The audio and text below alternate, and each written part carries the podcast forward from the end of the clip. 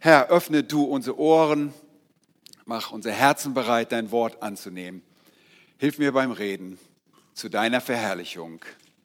Amen. Wir schlagen die Bibeln auf bei Markus Kapitel 8. Markus Kapitel 8, die Verse 22 bis 26. Markus 8, 22. Und er kommt nach Bethsaida und man bringt einen Blinden zu ihm und bittet ihn, dass er ihn anrühre. Und er nahm den Blinden bei der Hand und führte ihn vor das Dorf hinaus, spie ihm in die Augen, legte ihm die Hände auf und fragte ihn, ob er etwas sehe. Und er blickte auf und sprach, ich sehe die Leute, als sehe ich wandelnde Bäume. Hierauf legte er noch einmal die Hände auf seine Augen und ließ ihn aufblicken. Und er wurde wiederhergestellt und sah jedermann deutlich. Und er schickte ihn in sein Haus und sprach, du sollst nicht ins Dorf hineingehen, noch es jemand im Dorf sagen. Nun, unser Text heute, ich habe ihn betitelt als den Umgang mit Jesu mit physischer Blindheit. Jesus heilt sie. Na und? Was bedeutet es für uns? Und wir wollen uns anschauen, was der Text uns sagt und äh, wollen uns auf die Reise mit Jesus begeben. Wir wollen uns zunächst die physische Blindheit anschauen in ihrem geschichtlichen, geografischen Hintergrund. Und wir haben uns Jesu Reisebewegungen in den vergangenen Predigten jeweils angesehen. Und wir stellen fest, dass er am Ostufer am See Genezareth ist, im Norden des Landes, wo er den Jüngern eine wichtige Warnung und Korrektur gab. Und er warnte sie vor der Lehre und den Einfluss des Herodes. Er korrigierte ihren Kleinglauben und er mahnte sie aufgrund ihrer Herzenshärte, half ihnen aufgrund eines eingeschränkten Blickfeldes. Der öffentliche Dienst Jesu im Gebiet von Galiläa, einer römischen Provinz und Verwaltungsbezirk von Herodes Antipas, hatte geendet indem Jesus die dauerhaft blinden Religionsleiter einfach stehen ließ. Nach der Warnung und Korrektur seiner Jünger, die nach der Landung am Ostufer geschah, geht es im Text weiter und wir lesen in Vers 22 folgendes. Und er kommt nach Bethsaida. Nun, der Name Bethsaida stellt ein Kompositum dar, ein zusammengesetztes Wort aus Haus und Fangen oder Jagen. Es ist wörtlich damit das Haus des Fischens oder Jagens gemeint, was sicherlich auf die Lage des Dorfes am Rande von diesem fischreichen See Genezareth zurückzuführen ist.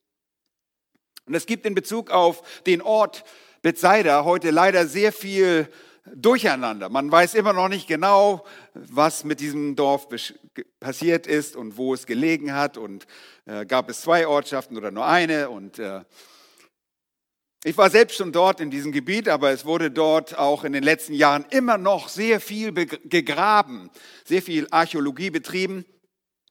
Über Bethsaida erfahren wir auch etwas von Flavius Josephus, dem jüdischen Geschichtsschreiber, der uns auch schon häufig als Quelle gedient hat, aber seine Worte sind nicht der Bibel gleichzusetzen. Man muss seine äh, Worte manchmal hinterfragen und auch sehr genau prüfen. Es ist nicht die Bibel, zwar sind in Bezug auf die Geschichte und Geografie seine Aussagen oft sehr hilfreich, aber wir müssen uns auch äh, darauf gefassen, dort, dass dort Irrtümer sind. Seine Schrift ist also nicht die Bibel, nicht irrtumslos, aber wir fragen ihn dennoch. Er sagt, dass Herodes, das ist Philippus, der Tetrarch, der Vierfürst von Itorea, das Dorf Bethsaida, und er nennt das diesen Flecken, in den Rang einer Stadt, einer Polis erhob. Nach Aussagen von Josephus sorgte Philippus sehr wohl für diese äh, Ortschaft, machte sie zu einer Stadt und sorgte für Siedler als auch für die wirtschaftliche Lage dieses Ortes und gab dieser wohl im Todesjahr des Herrn, also im Jahr 30, den Namen Julia Livia.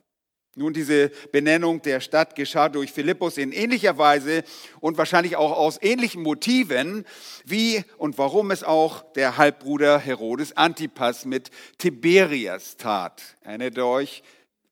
Auch zu Ehren des Kaisers Tiberias.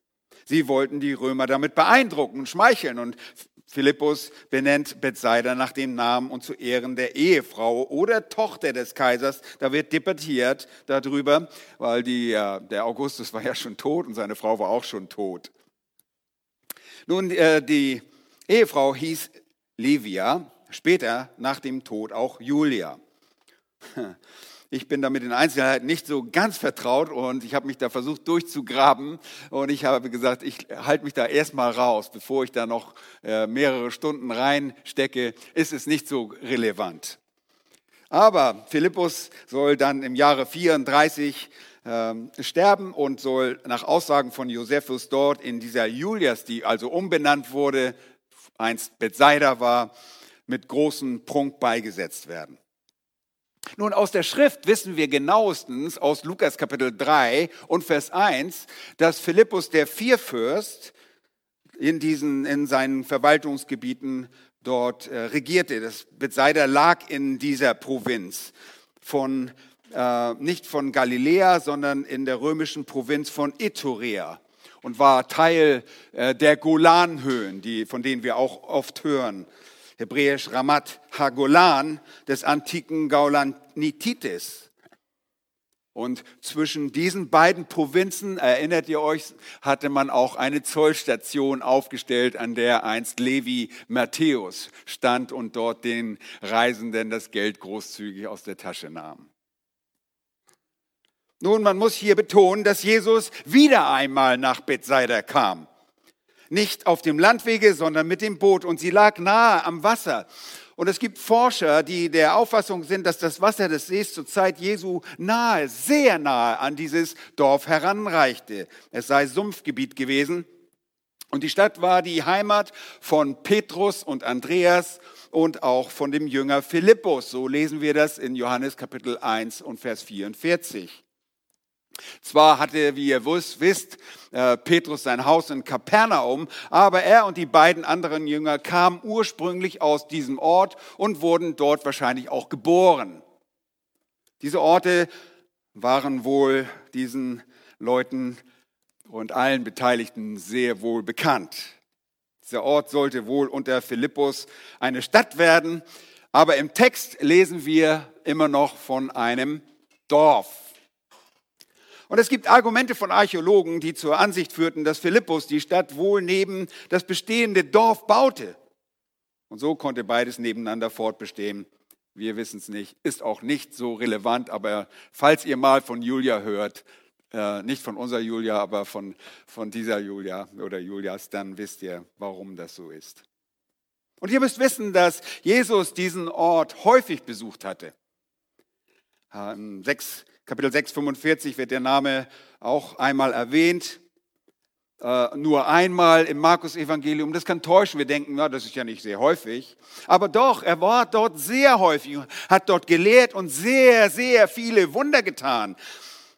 Aber dass er dort keine empfängliche Zuhörerschaft angetroffen hatte. Zusammen mit dem acht Kilometer entfernten Korazin hatte Jesus Bethsaida bereits früher die Bewohner wegen ihrer Unbußfertigkeit gescholten. Und dieses Schelten Jesu fand kurz nach der Berufung der zwölf Jünger statt. Und das war, nachdem Jesus die Verschwörung der Pharisäer und Herodianer in Kapitel 3 erlebt hatte. Wir lesen in Matthäus 11, in Versen 20 bis 22, die Worte dieser Schelte.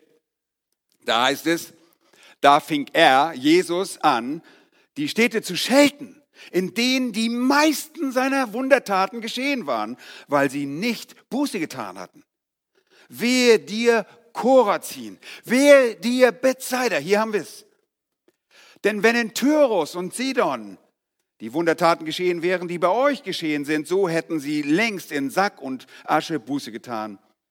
Doch ich sage euch, es wird Tyros und Sidon erträglicher gehen am Tag des Gerichts als euch. Und ich freue mich so, ihr könnt mit diesen Ortschaften bereits etwas anfangen. Nur vor kurzer Zeit haben wir uns von Tyros und Sidon, haben wir von diesen beiden Ortschaften, von dem Gebiet dort gelernt, den Ortschaften im heidnischen Syrophönizien. Und diese Menschen waren für Gottes Wort empfänglicher. Und diesen Heiden, diesen Hunden wird es am Tag des Gerichts erträglicher gehen als diesen von Jesus aufgezählten Ortschaften mit ihren Einwohnern, zu denen auch Bethsaida gehörte. Nun, welch schreckliche Realität. Aber dennoch ein angemessenes Gericht für die Bewohner dieser gottlosen Städte. Und ihr erinnert euch, dass in diesem Zusammenhang auch eine ähnliche Verurteilung über Kapernaum ausgesprochen wird, in dem Jesus während seines Dienstes in Galiläa sein temporäres Zuhause hatte und viel verkündigt hatte. Aber das alles war passé.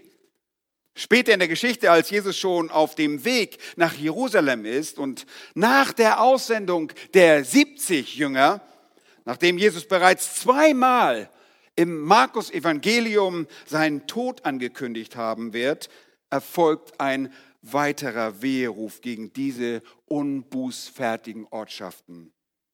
Nachzulesen in Lukas 10, die Verse 13 und 14. Nun, diese beiden Weherufe sind sich sehr ähnlich, aber sie erfolgen zu zwei unterschiedlichen Zeitpunkten in der Geschichte des Dienstes Jesu. Sie zeigen uns nur, wie sehr der Herr darüber betrübt war, dass gerade diese Ortschaften keine wahrhaft bußfertigen Menschen hatte. Es ist entsetzlich, gerade da, wo er so viel verkündigt und auch Wunder getan hatte. Und sie, diese Ortschaften dienen heute noch als Warnung denen, die viel vom Wort Gottes gehört haben und doch nicht umkehren. Denn das Gericht Gottes und die unnachgiebige Härte des Gerichtes Gottes ist in der, an die Kenntnis eines Menschen bezüglich der Wahrheiten Gottes gebunden. Wenn du viel weißt, ist das Gericht härter. Und diese Ortschaften erhält hier dennoch der König den König der Könige in seiner Demutsgestalt ein weiteres Mal zu Besuch. Aber Jesus sollte nicht kommen, um dort öffentlich als Wundertäter aufzutreten. Die Zeit seiner Zeichen war für die Öffentlichkeit an diesem Ort auch vorüber. Und er widmet sich viel mehr seinen Jüngern. Aber aufgepasst, es geschieht etwas sehr Merkwürdiges in diesem Text. Lass uns weiterlesen. In der zweiten Hälfte von Vers 22 heißt es, und man bringt einen Blinden zu ihm und bittet ihn, dass er ihn anrühre. Und ihr fragt euch, Mensch, Beuchmann, was ist denn da dran so, so merkwürdig? Ist das wirklich so merkwürdig? Dass es noch einen Blinden gab, der nicht schon lange zuvor geheilt wurde, finde ich persönlich sehr merkwürdig. Jesus war so viele Male dort. Jesus hatte wahrscheinlich in seinem Dienst in Galiläa Tausende von Menschen geheilt. Und hier war immer noch ein Mann in Bethsaida, der physisch blind war. Und das ist erstaunlich, denn Jesus war dort häufig. Und er hatte viele Wunder getan. Und wir kennen niemals Jesus, dass er irgendwie gesagt hat, nee, dich heile ich nicht. Niemals. Aber vielleicht war er ein Mann, dem niemand bisher geholfen hatte. Nun ein Mann, der aus den egoistischen Gründen einer selbstbezogenen Dorfgemeinschaft nicht die Gelegenheit hatte, zu Jesus kommen. Vielleicht waren den Bewohnern von Bethsaida jetzt sogar die Wunder Jesu zu langweilig geworden. Und so sagt dieser Text schlicht und einfach, man bringt diesen Blinden. Und es ist schwer für blinde Menschen, sich in einem unwegsamen Gelände auf Menschen zuzubewegen. Und sowieso, wenn man nicht sehen kann, wo sich Menschen befinden, und so wird dieser Mann gebracht. Er war blind. Und mit Blinden, so erfahren wir noch gleich, wollten die Menschen jener Gesellschaft nicht unbedingt so viel zu tun haben. Inmitten dieser Passage von geistlicher Blindheit folgt nun ein Abschließ, Abschnitt, der ausschließlich die physische Blindheit und Jesu Umgang mit dieser Blindheit betont.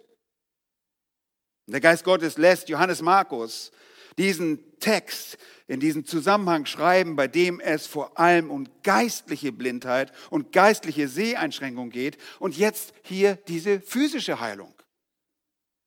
Nun, aber bevor wir uns den Umgang Jesu mit diesem Manne ansehen, wollen wir uns ein paar grundsätzliche Dinge fragen.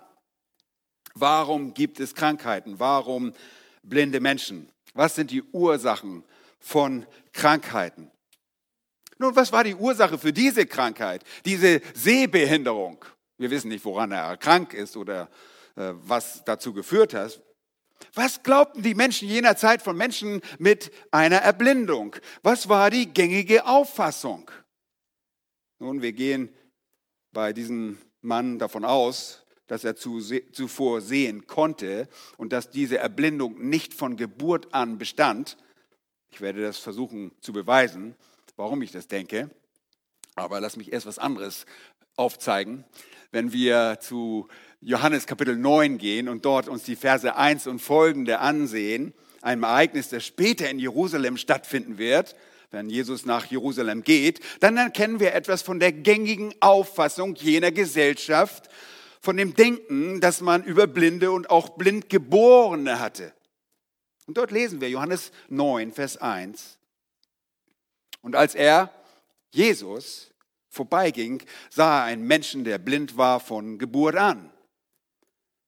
Und seine Jünger fragten ihn und sprachen, Rabbi, wer hat gesündigt? sodass dieser blind geboren ist? Er oder seine Eltern? Und Jesus antwortete, weder dieser hat gesündigt noch seine Eltern, sondern an ihm sollten die Werke Gottes offenbar werden. Und die Frage nach der Sünde in Vers 2 offenbart sehr, sehr schnell, dass die landläufige Auffassung war, dass man sie so sah, als wären diese elenden, mit Blindheit geschlagenen Menschen in, einem besonderen, äh, in einer besonderen Sünde verstrickt. Oder eben die Eltern. Entweder war er es, der Betroffene selbst, oder der gesündigt hatte, oder seine Eltern. Obwohl ich das merkwürdig finde, denn wie konnte er gesündigt haben, bevor er geboren wurde? Nun, vielleicht glaubte man, dass dieser Mann irgendwie unter einem Fluch stand und geheim sündigen würde und dafür eine zeitige Bestrafung von Geburt an erleiden sollte. Für viele Menschen in der Antike war die Erkrankung eine Strafe der Gottheit, der sie huldigten. Und die Antwort Jesu schockiert. Sie schockiert einfach. Weder dieser hat gesündigt noch seine Eltern, sondern an ihm sollten die Werke Gottes offenbar werden. Jesus erhebt diesen Mann mit seiner eigenen Antwort nicht zu einem sündlosen Heiligen. Das ist nicht seine Absicht. Und so etwas gibt es auch nicht. Er sagt damit lediglich, dass dieser Blinde nicht in einer außergewöhnlichen Art und Weise gesündigt hätte und auch nicht seine Eltern, sodass dieser dafür das Strafgericht einer Blind oder Geburtsblindheit erhalten hätte. Der Herr sagte einfach, dass Gott sich durch diesen Mann verherrlichen wollte, indem er ihn gesund machte. Und genau das tat Jesus. Er verbrachte, vollbrachte im Einklang mit dem Willen seines Vaters die Werke Gottes.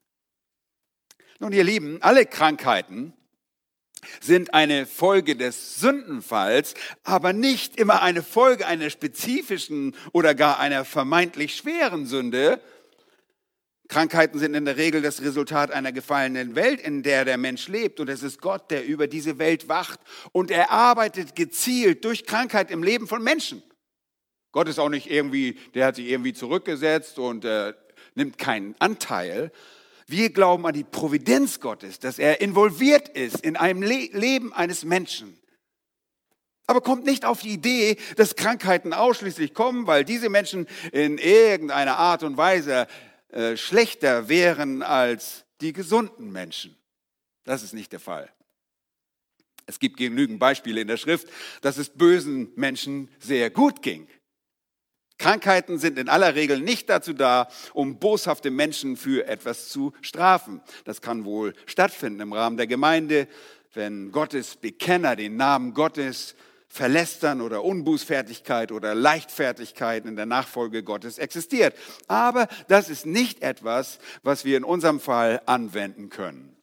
Krankheiten können als Folge eines gottlosen Lebens zwar immer das Resultat sein, wenn ich viel trinke, dann werde ich leberkrank, gar keine Frage. aber auch das ist hier nicht im Vordergrund. Zumindest ist das hier nicht relevant. Aber lasst uns kurz nachdenken über das Leben von physisch blinden Menschen. Und ich möchte von vornherein sagen, dass wir nicht zu erfassen mögen, was es wirklich bedeutet, blind zu sein. Wir können nur versuchen, es uns vorzustellen und gehen dabei wahrscheinlich noch weit von der, an der Realität vorbei. Nur weil du einmal in einem Dunkelrestaurant gesessen hast, hast du, bist du noch kein Experte für physische Blindheit. Nur weil du einmal im Dunkeln Versteck gespielt hast, seid ihr nicht einsichtige Kenner der Blindheit geworden. Nur weil ihr mal eine Blindheit simuliert habt und euch dabei sicherlich wie Trottel angestellt habt, von einem Ort zum anderen zu kommen und euch den Schädel eingeschlagen habt, seid ihr keine Experten der Blindheit. Vielleicht denkt ihr auch an das Spiel, das ihr an diesen Kindergeburtstagen spielt. Blinde Kuh. Auch das macht dich nicht zu einem Experten der Blindheit. Nun, wir können das kaum ahnen. Was sind die Herausforderungen für einen Blinden? Das wollen wir uns anschauen, beziehungsweise ein wenig darüber nachdenken. Und ich habe in der vergangenen Woche ein Buch über Blindheit quer durchgelesen, komplett. Und wenn es mich ein bisschen sensibler gemacht hat, dann bin ich froh, aber ich bin noch lange kein Fachmann der Blindheit und es fehlt an Verständnis für die Lebenssituation blinder Menschen. Das durfte ich immerhin lernen, etwas sensibler werden. Und ich habe mich in dieser Woche auch mit der Geschichte der Augenheilkunde beschäftigt, mit der Ophthalmologie. Aber auch das macht mich nicht zu einem Verständigen. Und wir können dennoch dafür sorgen und sensibler werden, wenn wir uns damit beschäftigen, was die Einschränkungen im Leben eines Menschen ohne Sehfähigkeit ausmachen. Und in dieser Predigt verfolge ich nicht das Ziel, dies zu tun, euch dafür so sensibel zu machen. Ich möchte lediglich darauf hinweisen und ich vermag in der Kürze der Zeit nicht die Sensibilität für blinde Menschen zu schärfen, aber ich vermag Kraft des Geistes, euch das Anliegen für diese Menschen zu vermitteln. Sie müssen geistlich sehend werden. Und das liegt im Bereich unseres Auftrags, den Menschen das Evangelium zu bringen, auch den blinden Menschen, den physisch blinden. Und physische Blindheit ist wirklich sehr, sehr speziell. Die visuelle Wahrnehmung lässt sich für uns nicht oder nur extrem schwer wegdenken. Auch wenn wir nicht denken müssen, dass Blinde sich niemals zurechtfinden könnten, denn sie sind sehr anpassungsfähig, lernfähig und so gibt es in ihrem Leben riesige Herausforderungen, mit denen wir uns nur schwer tun, sie zu verstehen. Wenn wir Blindheit simulieren, also uns die Augen verbinden oder sonst irgendwas, dann stolpern wir und wir begeben uns in riesige Gefahren. Sie kommen mit den Dingen meist sehr schnell und gut zurecht und sind nicht in Gefahr, weil sie gelernt haben, sich auf andere Sinne zu konzentrieren, die uns unwichtiger sind, auf die sie sich aber verlassen. Sie sind aber in einer unverständigen Welt in großer Gefahr.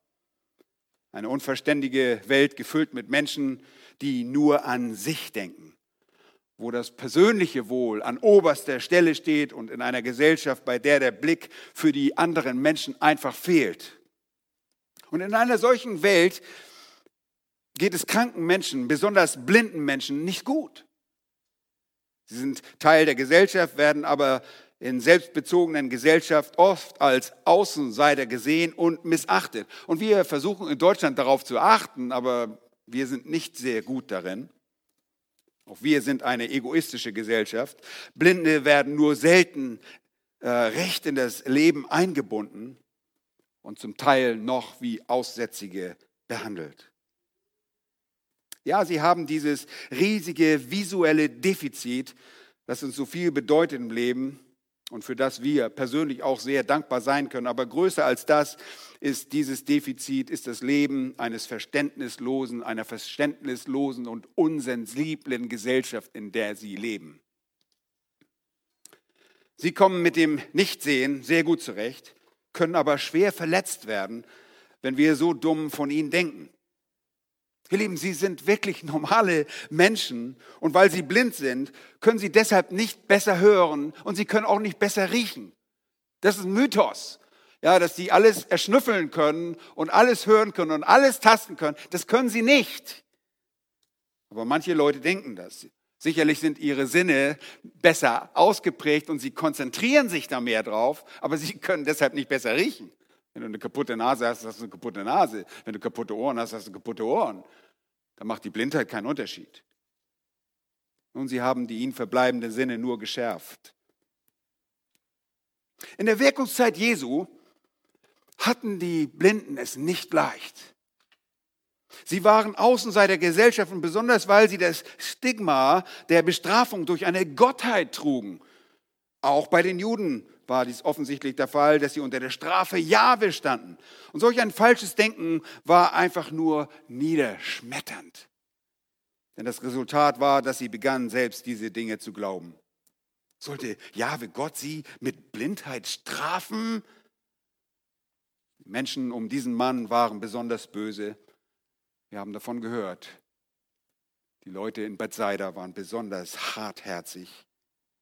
Das haben wir festgestellt. In Markus 10, als Jesus auf seinem Weg nach Jerusalem aus Jericho kommt und durch Jericho kommt und aus Jericho, Jericho wieder hinausgeht, begegnet ihm der Bartimäus, der Blinde, der dort am äh, Straßenland als Bettler sitzt und von dem Volk missachtet wird. Und er war auf das gelegentliche Wohlwollen der Gesellschaft, der Menschen um ihn herum angewiesen. Oder der Angehörigen. Und wir lesen in Markus 10, Verse 46 bis 48, dass sie ihn sogar den Mund verbieten, als jener den Messias ruft. Die, die Sehenden konnten den Messias nicht erkennen, aber dieser blinde Mann, der ruft den Messias. Da heißt es, und sie kommen nach Jericho, und als er, das ist Jesus von Jericho, auszog, samt seinen Jüngern, und einer großen Volksmenge saß ein Sohn des Timäus, Bartimäus, der Blinde, am Weg und bettelte. Und als er hörte, dass es Jesus, der Nazarener war, begann er zu rufen und sprach, Jesus, du Sohn Davids. Ein messianischer Titel. Er hat erkannt, wer Jesus ist. Erbarme dich über mich. Und es geboten ihm viele, er soll schweigen. Ruhig. Blinde, die auch zu Zeiten Jesu durchaus Arbeit hätten verrichten können, waren zu der Zeit auf das Betteln angewiesen. Und man verwehrte ihnen wie dem Bartimäus den Zugang zu Jesus und gebot ihm sogar zu schweigen. Nun, in unserer Geschichte in Bethsaida war ein Mann zu Jesus gebracht und Jesus lässt sich auf ihn ein. Auf das Elend seiner totalen Sehbehinderung reagiert Jesus. Lasst uns Punkt 2 ansehen. Die physische Heilung und Jesu Wesen. Die physische Heilung und Jesu Wesen. Und hier sehen wir in Vers 23, er nahm den Blinden bei der Hand und führte ihn in das Dorf hinaus, spie ihm in die Augen, legte ihm die Hände auf und fragte ihn, ob er etwas sehe. Und er blickte auf und sprach, ich sehe die Leute, als sehe ich wandelnde Bäume. Hierauf legte er ihm nochmal die Hände auf seine Augen und ließ ihn aufblicken und er wurde wiederhergestellt und sah jedermann deutlich. Nun, wir sehen hier zunächst, wie Jesus ist. Seine Barmherzigkeit ist das Erste, was wir deutlich erkennen. Wie er ist, barmherzig. Jesus erbarmt sich und es war so schön. Wir haben vorhin von der Barmherzigkeit in den Liedern gehört. Mehrere Male wurde die Barmherzigkeit betont. Und das ist nichts Neues für uns, aber für diesen Mann ist es was ganz Neues. Nun, er hatte vielleicht Menschen um sich, die ihn versorgten und sich immerhin so um ihn kümmerten, dass er lebte. Und jetzt hatte er sogar jemanden gefunden, der ihn zu Jesus brachte oder der möglicherweise sogar die Initiative dafür ergriffen hatte, dass dieser Mann zu Jesus kam. Aber alle Hilfeleistenden in seinem Leben waren bisher nicht potent genug, um etwas wesentlich an seinem Problem der Sehbehinderung zu tun. In der Ophthalmologie, der Augenheilkunde, gab es keine potente Hilfe. Für die längste Zeit in der Geschichte der Menschheit gab es in diesem so komplexen Bereich der Augenmedizin, der Augenheilkunde, mit deren organisch filigranen Bestandteilen und Elementen und Sehfunktionen der Augen, es gab keine tatsächliche Hilfe. Und selbst bei bester medizinischer und ärztlicher Hilfe heutzutage gibt es immer noch Limits. Es gibt Beschränkungen, unheilbare Blindheit. Diese Limits besitzt Jesus nicht. Jesu Barmherzigkeit hat kein Limit und auch seine Fähigkeiten sind unbegrenzt. Und diese Barmherzigkeit ist es, die den Herrn so oft einschreiten lässt, so auch hier. Lass uns das neu sehen und dankbar werden. Und er nahm den Blinden bei der Hand und führte ihn vor das Dorf hinaus. Jesus widmet sich diesen Menschen ganz allein. Wow, der Schöpfer der Welt nimmt dich ganz allein an die Hand. Ist das nicht Wahnsinn? Einen blinden Menschen. Und er geht ihn, es geht ihn um diesen Menschen, so wie zuvor in der Dekapulus und dem Tauben, der nicht hörte und nur schwerlich reden konnte. Erinnert ihr euch? Es geht Jesus nicht um die verständnislose Masse von Menschen, die aus Sensationslust so oft gekommen war und auch sicherlich gerne kommen würde. Wir lesen erstaunlicherweise auch gar nichts von dieser Menschenmenge. Vielleicht waren die schon gelangweilt und wollten größere, spektakulärere Wunder sehen, so wie die Pharisäer es verlangten. Vielleicht waren sie diesbezüglich enttäuscht weil sie nichts davon persönlich hatten. Wer weiß.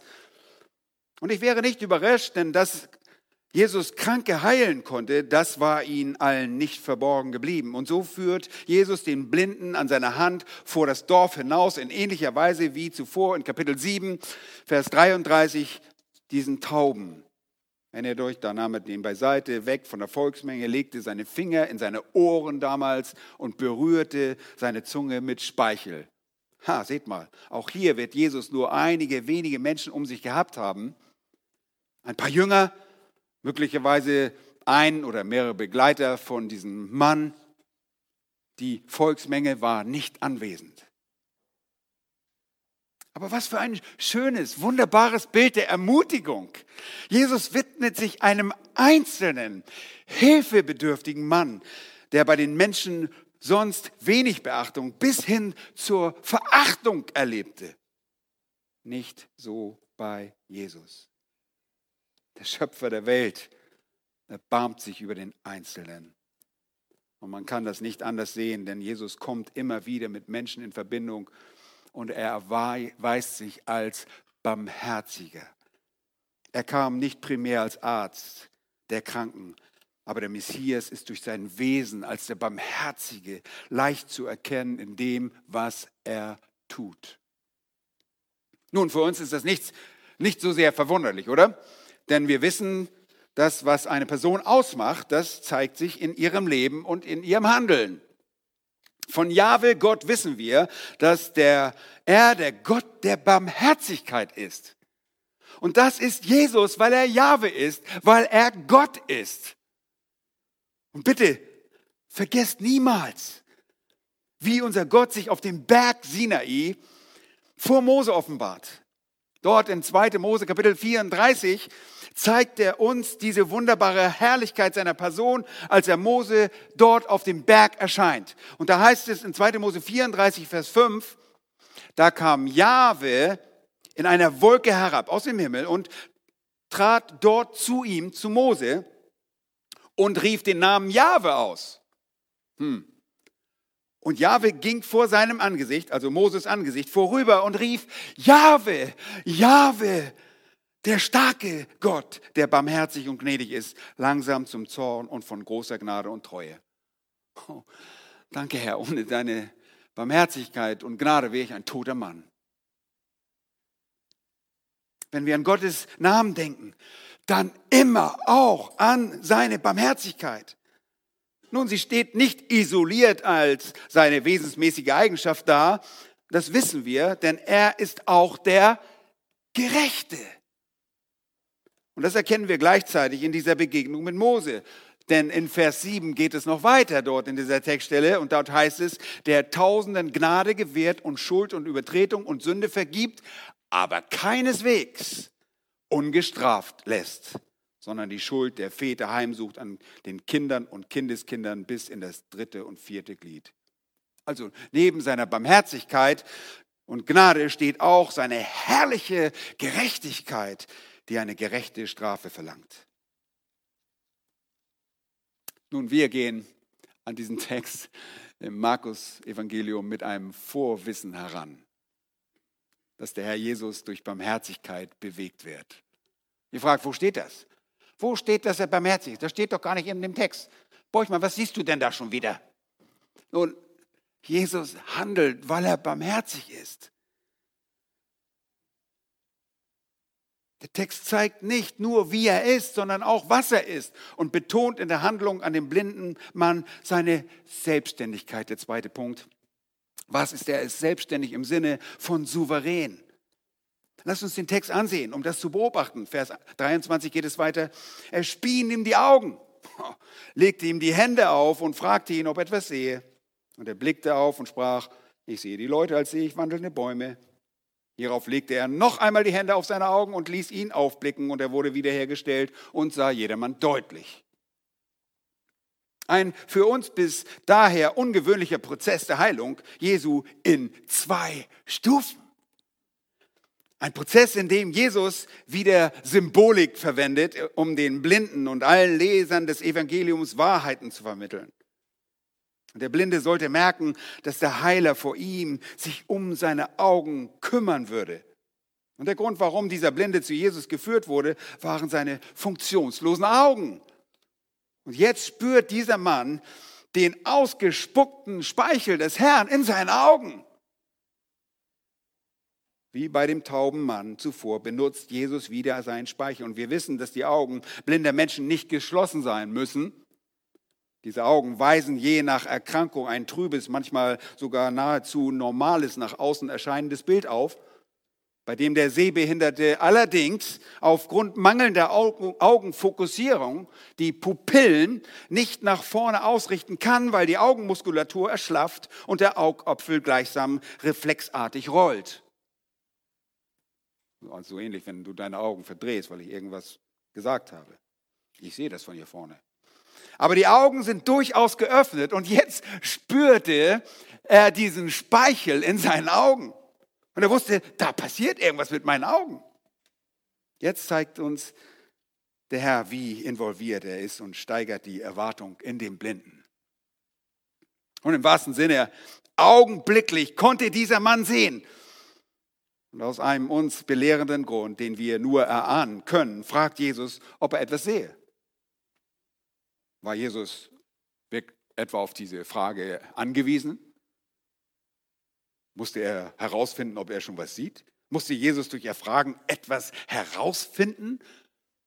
Musste er, wusste er nicht, ob sein göttlich-orales Sekret, sein Seiber, sein Speichel volumenmäßig ausreichte zur Heilung?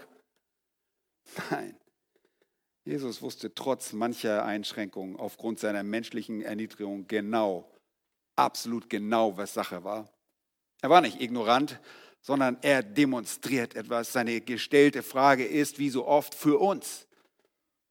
Ist es nicht, dass Jesus nur aufzeigen will, dass seine Heilung auf die Art und Weise geschehen kann, wie er es will? Er will einfach zeigen, hier findet ein Zwei-Stufen-Prozess statt.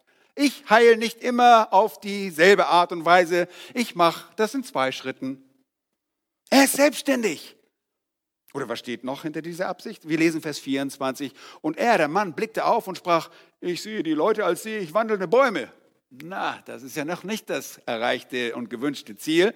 Aber preist den Herrn, das Sehvermögen kehrt wieder und der noch zuvor vollkommene blinde Mann sieht jetzt wie ein neugeborenes Kind Umrisse, Konturen von Menschen, die er wie umherwandelnde Bäume erkennt. Theologen gehen aufgrund dieser Worte davon aus, dass der Mann wohl kein Geburtsblinder gewesen sein konnte, weil er beschreibt die Menschen wie wandelnde Bäume.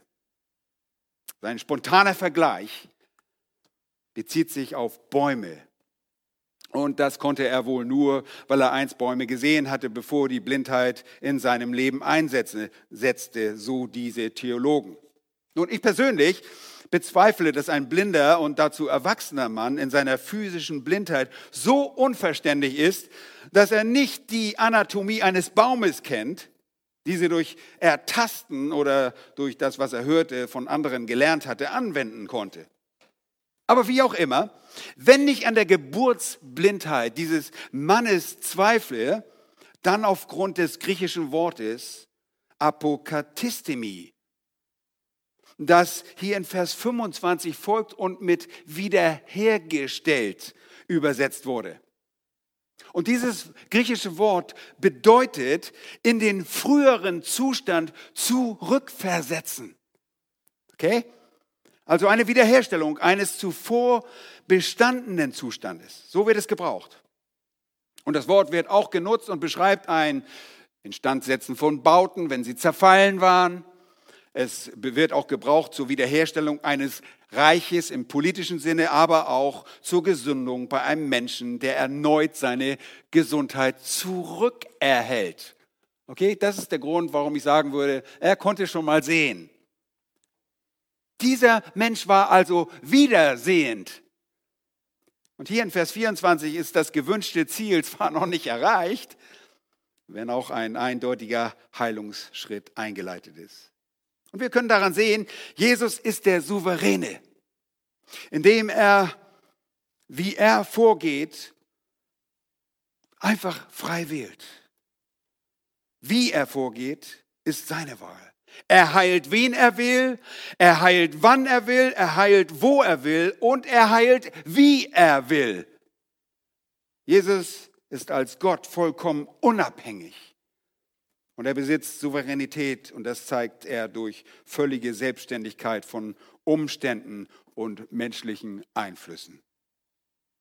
Und es geht bei dem Wirken Jesu nicht nach dem Schema F, eines von Menschen geplanten Musters oder das, was von Menschen gefordert werden konnte. Nicht bei Jesus. Und Jesus ist durchaus in der Lage, mit einem einzigen Wort sofort alles zu heilen. Er hätte sogar die ganze Schöpfung in einem Schnips machen können. Nein, er macht es hier auf seine Art und Weise. Wir haben es mehrfach gesehen, dass er das einfach in einem Durchgang macht. Hier ist es anders.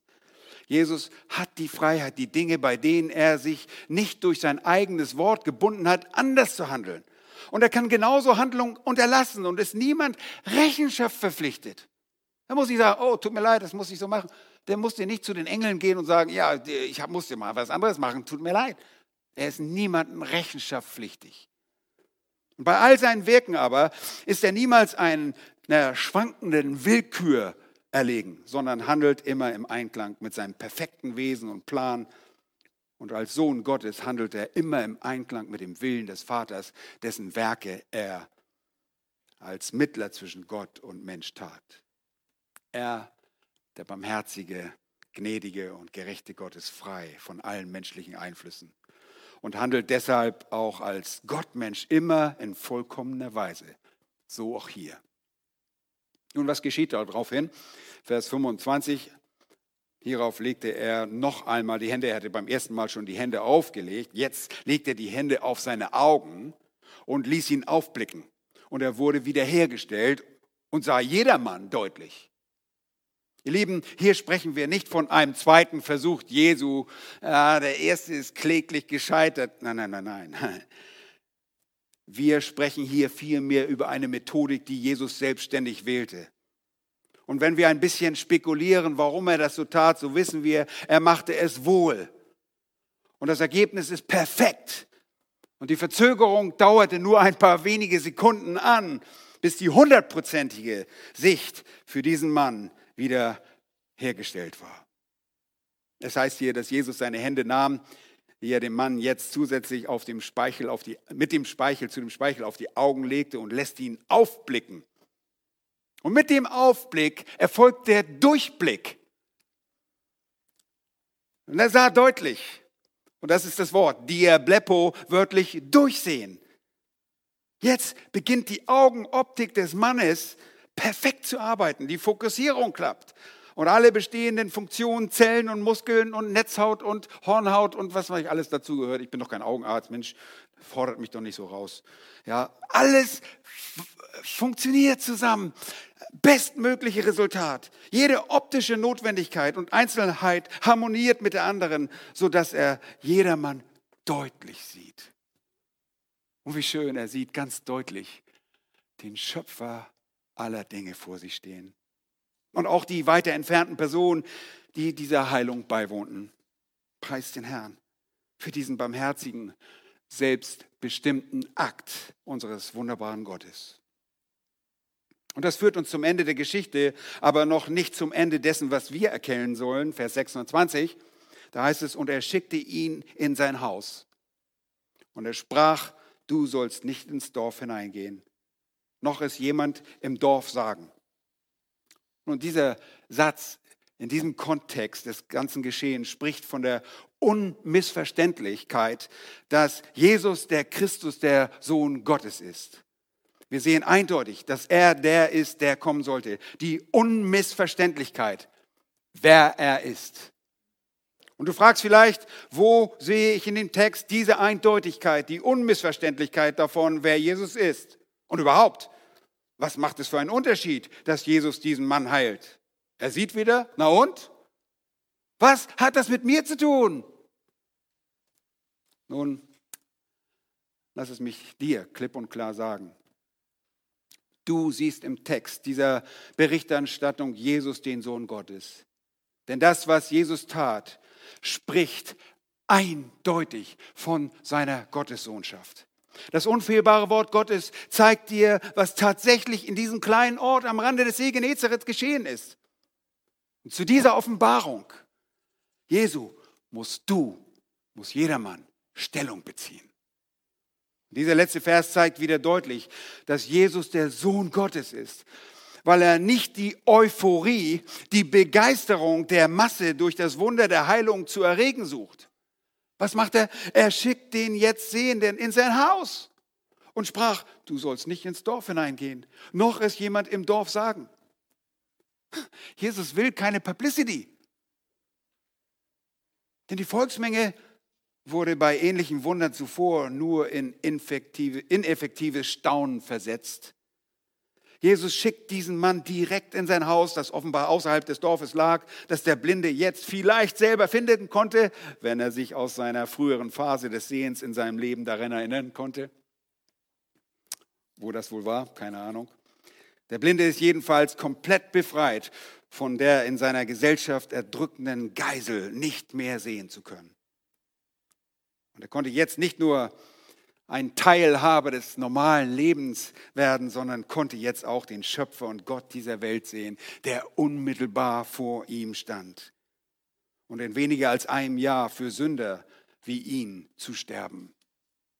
Welch wunderbares Wunder. Ihr Lieben, Wäre solch ein Wunder durch die heutigen Scharlatane, die selbsternannten Wunderheiler möglich, dann würde diese, so, würden diese sofort die Aufmerksamkeit der Medien suchen. Sie würden sich sofort selbst verherrlichen lassen und sich ins Rampenlicht aller Aufmerksamkeit stellen. Schwindler dieser Art gab es immer und sie suchen stets die Massen die Massen vor dem Spektakel, vor möglichst vielen Menschen, was für sie die Quelle der Hoffnung auf mehr Geld, mehr Stolz, mehr Materialismus, mehr Bequemlichkeit ist. Ihr Lieben, das Traurige ist, dass solche Verführer das heute genau so tun, obwohl sie nicht in der Lage sind zu heilen.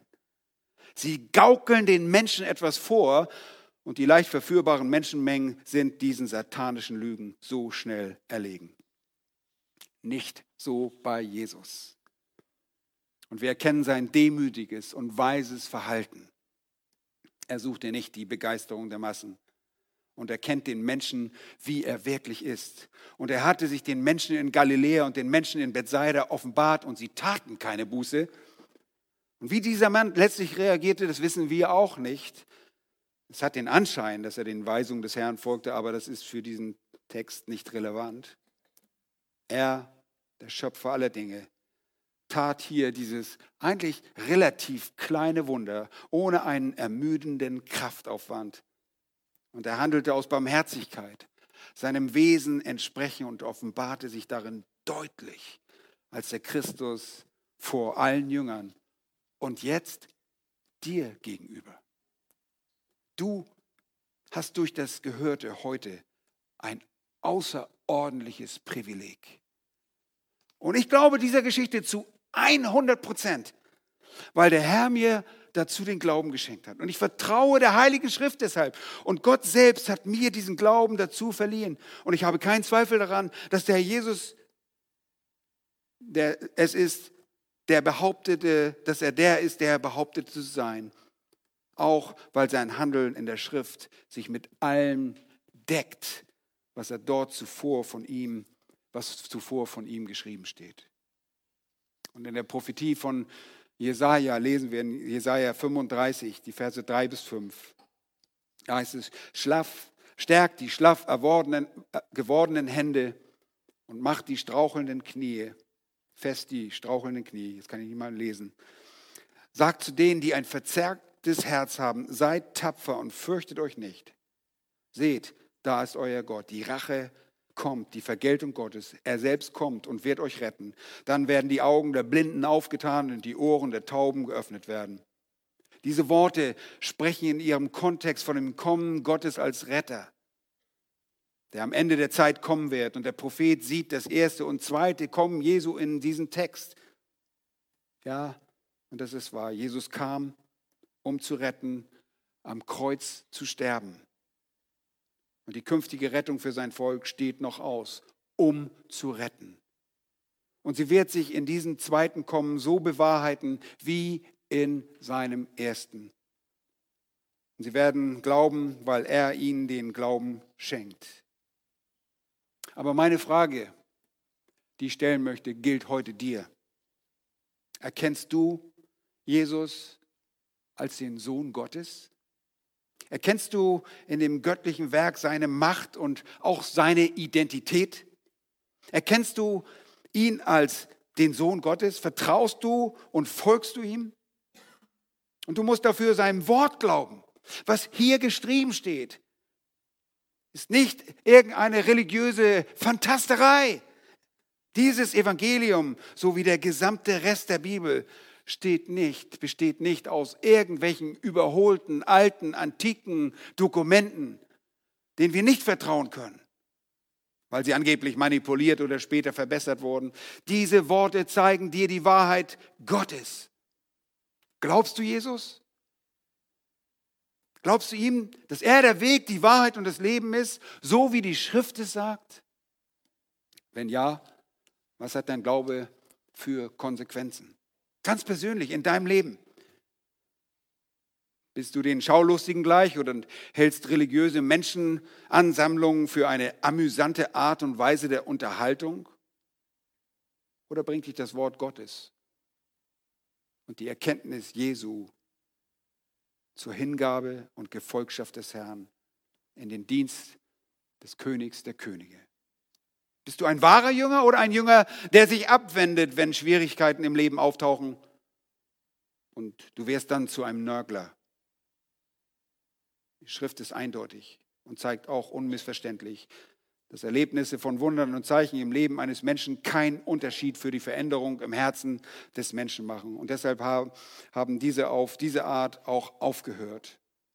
Und deshalb irren auch Charismatiker erheblich, wenn sie auf diese vermeintlichen Wunder pochen, die angeblich in ihren Reihen geschehen. Diese Menschen sind leer und sie kennen Gott nicht. Sie können den Gott der Bibel nicht. Vielleicht kennst du ihn auch nicht. Oder du bist weit von ihm entfernt. Und vielleicht zeigt dir der Herr auch durch diese Geschichte, dass du noch in der ersten Phase des geistlichen Erwachens stehst Vielleicht sind in deinem Leben noch die geistlichen Sehbehinderungen vorhanden, sodass du nur grobe Umrisse siehst. Du bist vielleicht schon viele, viele Jahre gläubig, aber du lässt dich nur schwer belehren, hast immer einen Grund, warum du nie dabei bist und findest kein geistliches Zuhause. Dann lass dir deinen Gesichtsausfall durch den Herrn nehmen. Lass dich durch ihn belehren. Und wir ermutigen dich als Bibelgemeinde, ob du nun hier oder am Bildschirm zu Hause sitzt oder zuhörst, weil du physisch erblindet bist, dass du weiterhin auf das Wort Gottes hörst und entsprechend dem, was du erkennst, schnell reagierst. Wende dich an Jesus. Nicht für deine physische, sondern deine geistliche Blindheit und deine geistliche Sehbehinderung. Er wird dich nicht wegstoßen, wenn du ihm deine Sünde bekennst und dich ihm seinen Worten gemäß unterwirfst. Dann wirst du klar sehen. Amen. Lass uns beten. Herr, du bist so gnädig. Danke für deine große Barmherzigkeit, mit der du uns wiedergeboren hast zu einer lebendigen Hoffnung durch die Auferstehung deiner selbst aus den Toten. Danke für das neue Leben. Danke für die geistliche Sehkraft, die wir jetzt besitzen. Und ich bete für solche, die dich nicht kennen, die immer noch in der Finsternis sitzen und nicht wissen, wozu sie berufen sind, dich nicht kennen und die eines Tages als Richter gegenüberstehen müssen weil sie dich ablehnen. Ich bete, erweiche ihre Herzen, öffne ihre Augen, lass sie erkennen, dass du der Sohn Gottes bist, der Mittler, der gekommen ist, um sie zu retten, um Menschen zu retten. Danke für deinen stellvertretenden Tod am Kreuz. Danke, dass das die Grundlage für uns ist und dass du uns so gerettet hast, dass du Sühne erwirkt hast durch die Zahlung am Kreuz, dass du den Zorn des Vaters auf dich genommen hast. Herr, ich bete, erhelle unsere Herzen. Und wenn wir als deine Kinder vielleicht halbherzig dir nachgefolgt sind, ich bete, hilf, dass die Seheinschränkung, diese, dieses Sichtfeld erweitert wird, indem wir uns dir ganz hingeben. Und das um deines Namens willen. Amen.